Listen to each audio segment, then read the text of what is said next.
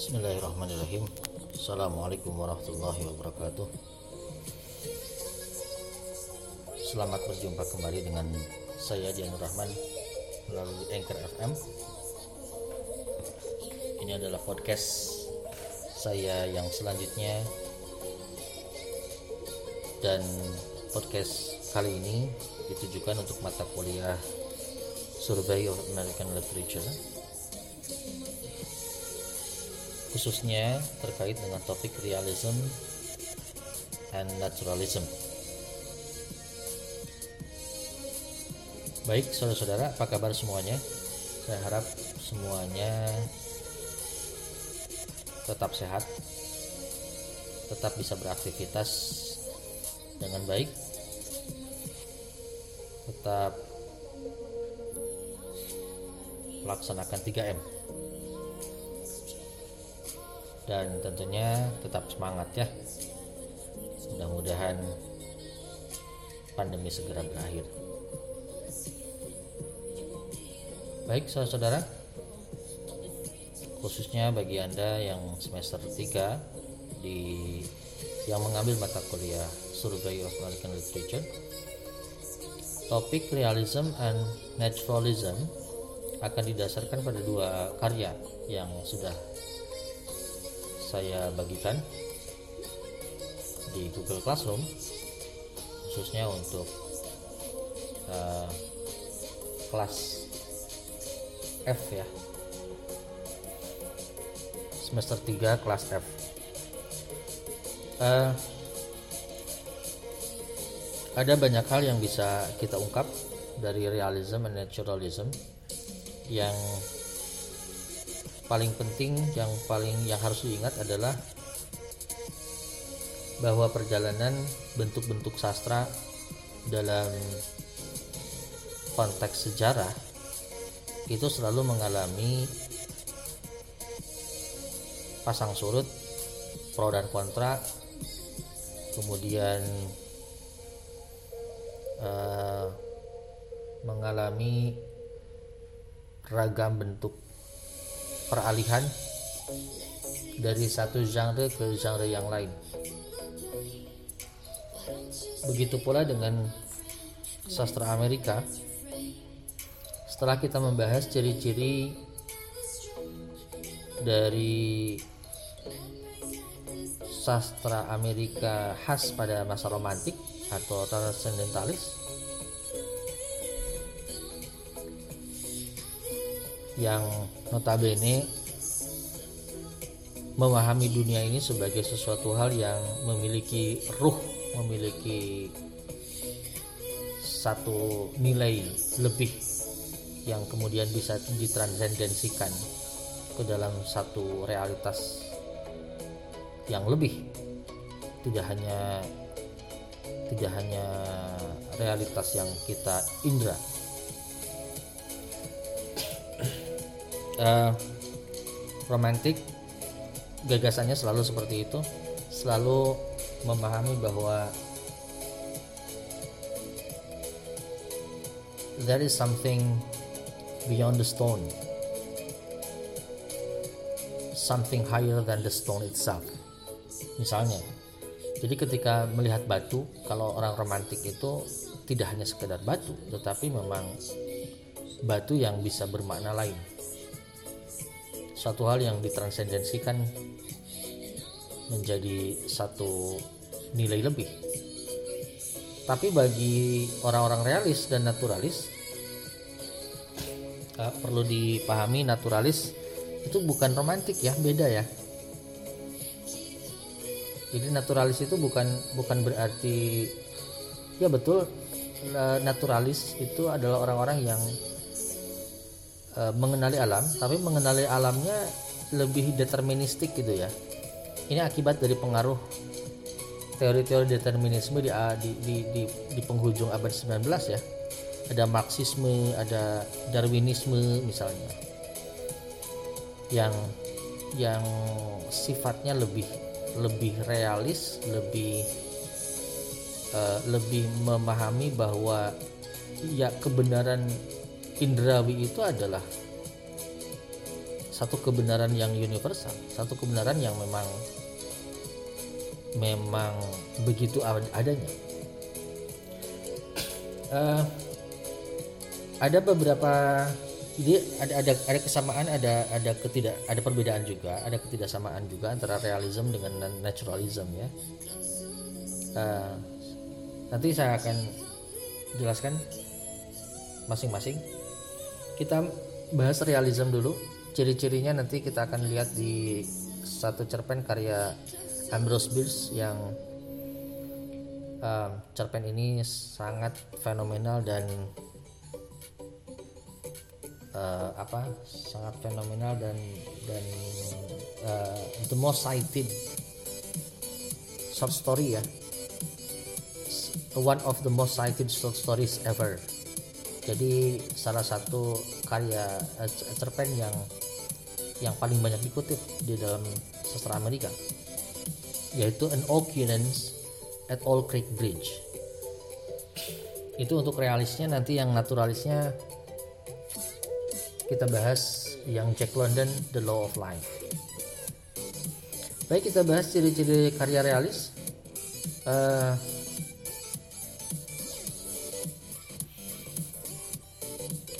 ada empat uh, paling tidak ada empat cara untuk memahami tulisan realis.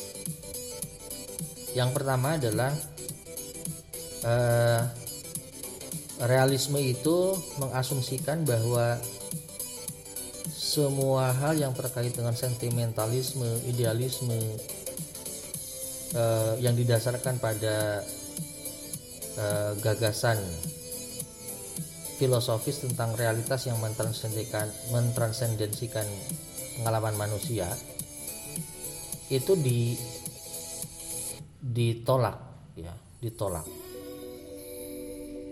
Semua gagasan yang seperti itu ditolak. Dan eh, realis itu mempertahankan satu hal yang eh, lebih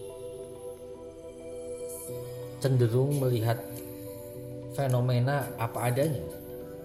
Bukan suatu hal yang spiritual tapi fenomena fenomena real. Itu sebagai yang real saja yang memang ada di dalam kehidupan manusia dan manusianya saling berbagi. Seperti itu. Jadi tidak ada satu hal yang bersifat spiritual. Seperti itu. Yang kedua tulisan realis itu pada umumnya meyakini bahwa individual-individual atau orang-orang itu dapat membuat pilihan moralnya sendiri secara bebas. Jadi tidak ditentukan oleh nilai spiritual yang ada dalam konteks transendensi itu. Tapi free, free choices. Bebas memilih. Mau baik mau buruk. Itulah realis. kemudian uh, dari sana kita masuk ke ciri yang ketiga bahwa uh, subject matter atau atau subjek materi materi-materi yang dibahas di dalam tulisan realis itu mencerminkan um, suatu hal yang memang bisa diidentifikasi langsung oleh pembaca ya. Jadi kehidupan karakter yang umum, yang umum ditemui di di dalam keseharian kita. Jadi kalau ada anak-anak yang yang bandel itu digambarkan apa adanya gitu ya. Kemudian ada kejahatan keburukan ditampilkan apa adanya. Gitu. Itulah tulisan realis. Dan yang keempat eh,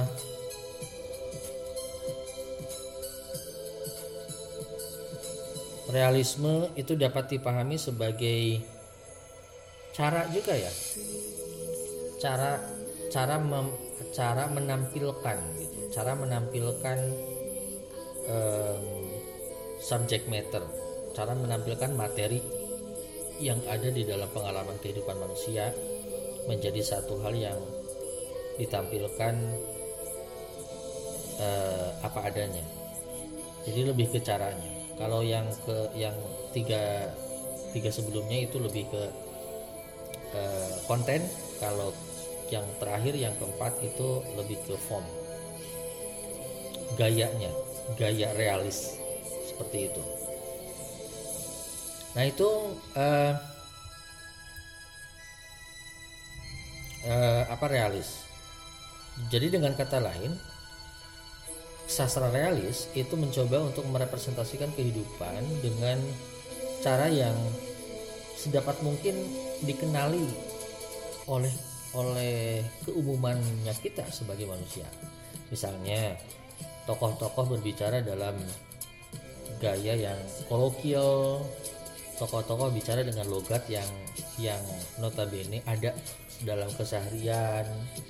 Kemudian juga eh, apa motif-motif tindakan itu bisa dipahami gitu kan. Jadi bukan bukan sesuatu yang misterius gitu seperti romantik yang yang ada spirit yang ada ruh yang ada uh, apa kegilaan misalnya sebagainya itu tidak seperti itu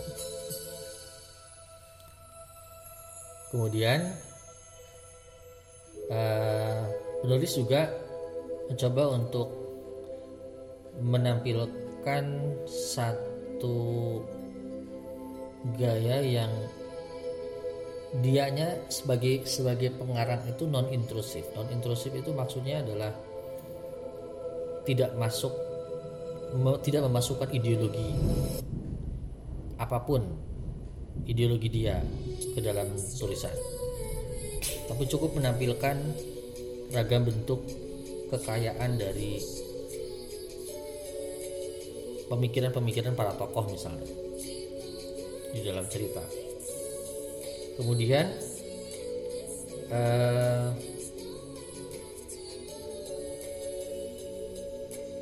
penulis juga memiliki perhatian yang lebih terhadap tokoh dan tindakannya yang tentunya mencoba untuk memproyeksikan kehidupan pada saat itu kehidupan-kehidupan yang sesuai dengan zamannya yang gampang dipahami pada pada zaman itu. Nah ini terkait dengan realisme ya. Dan salah satu yang cukup penting juga di dalam karya realis adalah adanya lokal color ya, adanya unsur warna lokal atau regionalism dalam istilah lainnya. Ya regionalism atau lokal color misalnya dalam logat-logat bicara kemudian menampilkan kekentalan unsur tradisi di satu budaya tertentu kemudian menampilkan juga nama-nama lokal ya yang tidak yang tidak kemudian menjadi suatu hal yang yang aneh gitu. Nah itulah uh, realism. Jadi secara umum bagaimana kehidupan atau misalnya bagaimana satu konteks kehidupan seorang tokoh itu digambarkan secara real. Seperti seperti kita melihat langsung gitulah. Seperti kita melihat langsung. Nah ini kita bisa lihat di cerpennya An Occurrence at All Creek Bridge uh, dari gaya bercerita di awal saja uh,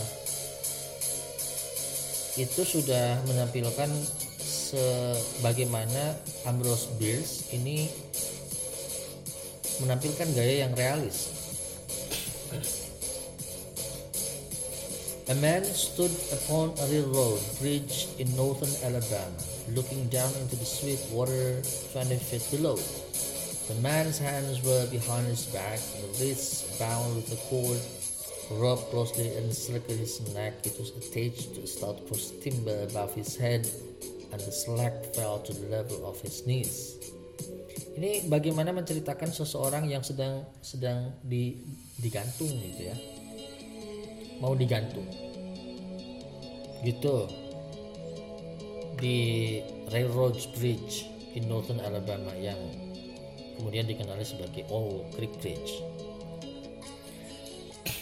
Nah, jadi penggambaran penggambaran bagaimana kedetik se, sebuah peristiwa digambarkan secara detail itu adalah ciri dari realisme. Dan Anda bisa membaca semua di All uh, An Occurrence at All Creek Bridge. Ya. Boleh dibaca semuanya dan saya yakin dan saya harapkan memang anda anda sudah membacanya. Ini sebetulnya memang agak unik ya Ambrose Bierce ini menampilkan flashback. Ceritanya sebetulnya gak ada ceritanya di sini. Uh, apa ya jadi semuanya adalah bayangan gitu. Semuanya flashback kemudian masuk ke dalam bayangan yang yang uh, bayangan orang yang lagi sekarat gitu. Seolah-olah dia melepaskan diri dari tiang gantungan kemudian berenang gitu kan. Dan sebagainya ya. Dan itu dijelaskan secara detail gitu. Seolah-olah benar apa adanya. Nah, makanya ini adalah bagian dari tradisi realis. Manner ini cara menampilkan sedetail mungkin gambaran-gambaran peristiwa. Gitu.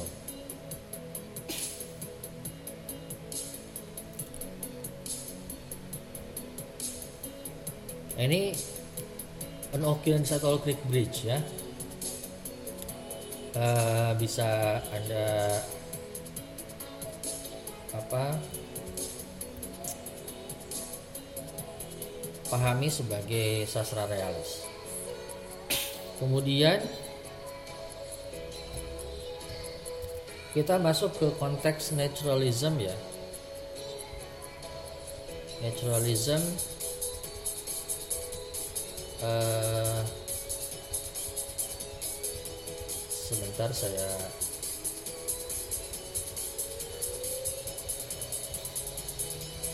cari dulu referensinya. Naturalism. Nah kalau naturalism ini bukan cuma menggambarkan sesuatu hal yang real apa adanya, tetapi lebih jauh dari itu adalah menggambarkan yang apa adanya itu secara lebih lebih apa ya istilahnya uh, lebih kontras gitu loh. Jadi naturalism itu menghasilkan karya yang kontras. Maksudnya adalah kalau kalau menggambarkan pembunuhan itu sebagaimana er, kalau orang realis, kalau karya realis itu ya eh, paling menggambarkan bahwa dia uh, dibunuh di uh, sorry diikat misalnya kayak yang di di tiang gantungan ya kayak kayak an occurrence atau creek bridge ya. Tapi kalau naturalism itu bahkan sampai ke bagaimana proses uh, misalnya penusukan pisau ke, da ke, ke dada seseorang misalnya kemudian darahnya memuncrat uh, itu digambarkan juga seperti itu gitu ini karena ada sisi deterministik tadi yang saya ungkapkan bahwa keterpengaruhan dari Darwinisme ya keterpengaruhan dari marxisme itu um, sangat kental. Jadi unlike realis naturalis itu tidak meyakini bahwa human beings itu bisa mengontrol apa yang mereka lakukan gitu. Kan kalau tadi saya bilang kalau realis itu free moral choices ya. Jadi bisa memilih mana yang baik mana yang buruk. Gitu. Yang berarti kalau orang realis atau karya sastra realis itu masih bisa menampilkan sesuatu hal yang baik. Gitu. Tetapi kalau naturalis manusia itu tidak tidak punya kontrol apa pun. Yang mengontrol itu adalah alam. Alam sebagaimana diyakini sebagai yang uh, deterministik menguasai menguasai setiap unsur kehidupan manusia. Gitu. Tetapi bukan juga yang dipahami seperti romantik yang memiliki nilai spiritual bukan. Alam tetap alam yang yang katakanlah uh, apa ya uh, murni empirik gitu ya. Dan dia seperti halnya para ahli fisika biologi misalnya yang naturalis juga dia memahami bahwa alam ini tidak bisa dikontrol oleh siapa pun bahkan oleh manusia gitu. Bahkan manusia itu powerless menghadapi alam itu Salah satu bentuk alam itu apa sih? Kalau Anda bertanya. Misalnya kematian. Kematian itu kan natural, alamiah. Bahwa yang hidup, yang dilahirkan nanti ada ada yang dilahirkan itu pasti akan mati. Nah, powerless manusia itu tidak tidak bisa tidak bisa mengontrol itu. Gitu ya kalau di sastra realis misalnya eh, kematian itu bisa dihindari dalam dengan beberapa konteks secara, secara digambarkan secara mendetail gitu. Kematian dalam arti bahwa ada pilihan bahwa manusia tidak harus uh, mati ketika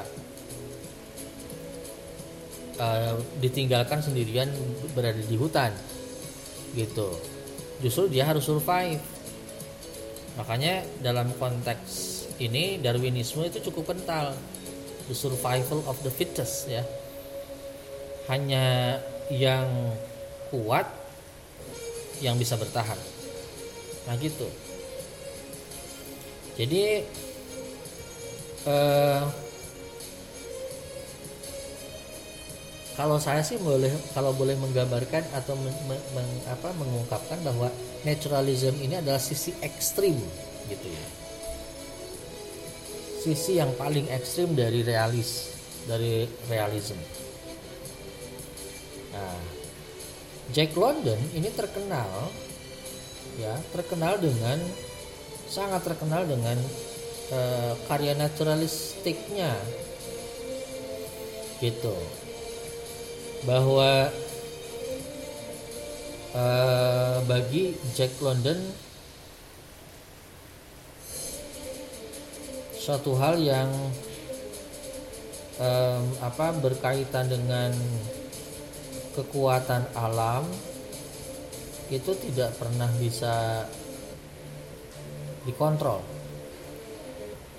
Gitu.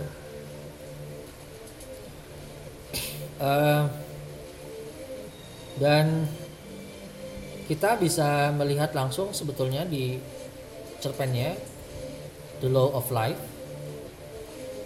Jadi dalam banyak hal di cerpen ini London mungkin menyoroti betapa sulitnya mengikuti tradisi ya bagi sukunya. Kita tidak bisa berpikir bahwa apakah ada romansa di situ ketika old cost itu ditinggalkan ya? E, karena sudah sakit-sakitan matanya sudah rabun gitu kan? Dan supaya sukunya bisa bertahan maka si old coast ini ditinggalkan. Seperti itu dia sudah lemah gitu. Tapi meskipun kos-kos sudah tua, ada gambaran seorang kos-kos itu dia menampilkan dirinya sendiri sebagai manusia yang tidak lemah.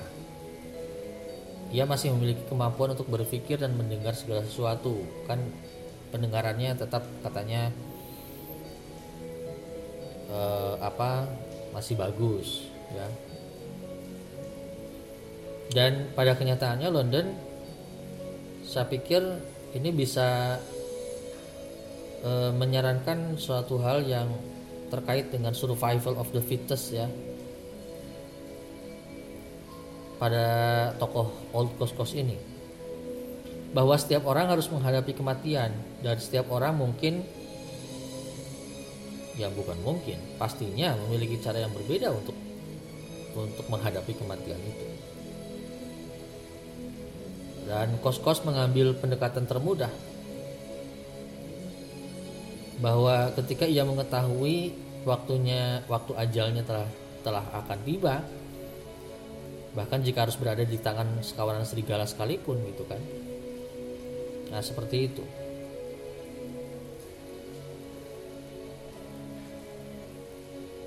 yang paling penting itu adalah gambaran detail yang yang relatif mengerikan ya. Ya Anda bisa membayangkan berimajinasi tentang itu. Itulah naturalisnya. Itulah naturalisme. Uh, warisan suku yang yang menjadi tradisi orang Eskimo orang old coast coast itu diceritakan dalam konteks orang-orang Eskimo ya yang berpindah-pindah yang nomaden. Gitu. Warisan suku adalah hal yang paling penting. Dan ini mungkin menjadi alasan mengapa uh, di dalam cerpen itu ada kata episode kehidupan kos-kos yang digunakan untuk menggambarkan kehidupan individu.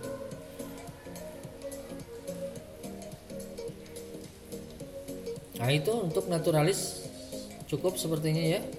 Penjelasannya sedikit saja. E, realis juga seperti itu. Yang penting ada penjelasan dari saya. Mudah-mudahan bisa dipahami.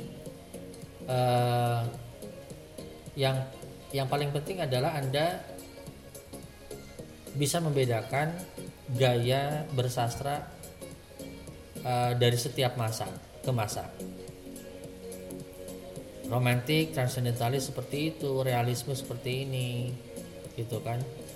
Di course plan Anda bisa melihat ada optional, ada karya-karya optional, silakan itu juga dicari sendiri ya uh, itu bisa menambah dan dibaca tentunya itu bisa menambah wawasan anda terkait karya karya-karya di gaya realis dan naturalis ini. Sekali lagi, uh, realis naturalis jangan dikacaukan dengan pemahaman uh, alamnya romantik. Al pemahaman alamnya romantik adalah pemahaman yang transcendentalis yang yang melihat bahwa struktur dunia, struktur alam ini misterius, makanya harus digali kebenarannya di balik sesuatu yang nampak.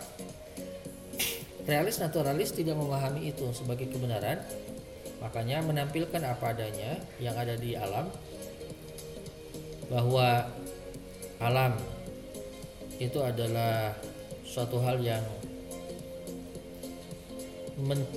memunculkan kebenaran apa adanya itulah kebenaran dalam kehidupan dalam kehidupan kita jadi eh, kedetilan penggambaran yang detil yang rinci dari suatu peristiwa itu yang membedakan banyak hal terkait dengan apakah ini adalah sastra romantik atau sastra realis atau bahkan naturalis juga. Nah seperti itu baik terima kasih semuanya itu saja sedikit dari saya sebagai pembayaran hutang untuk anda khususnya mahasiswa mahasiswi saya di semester 3 kelas F yang mengambil mata kuliah survei American Literature dengan saya. Terima kasih sekali lagi. Assalamualaikum warahmatullahi wabarakatuh.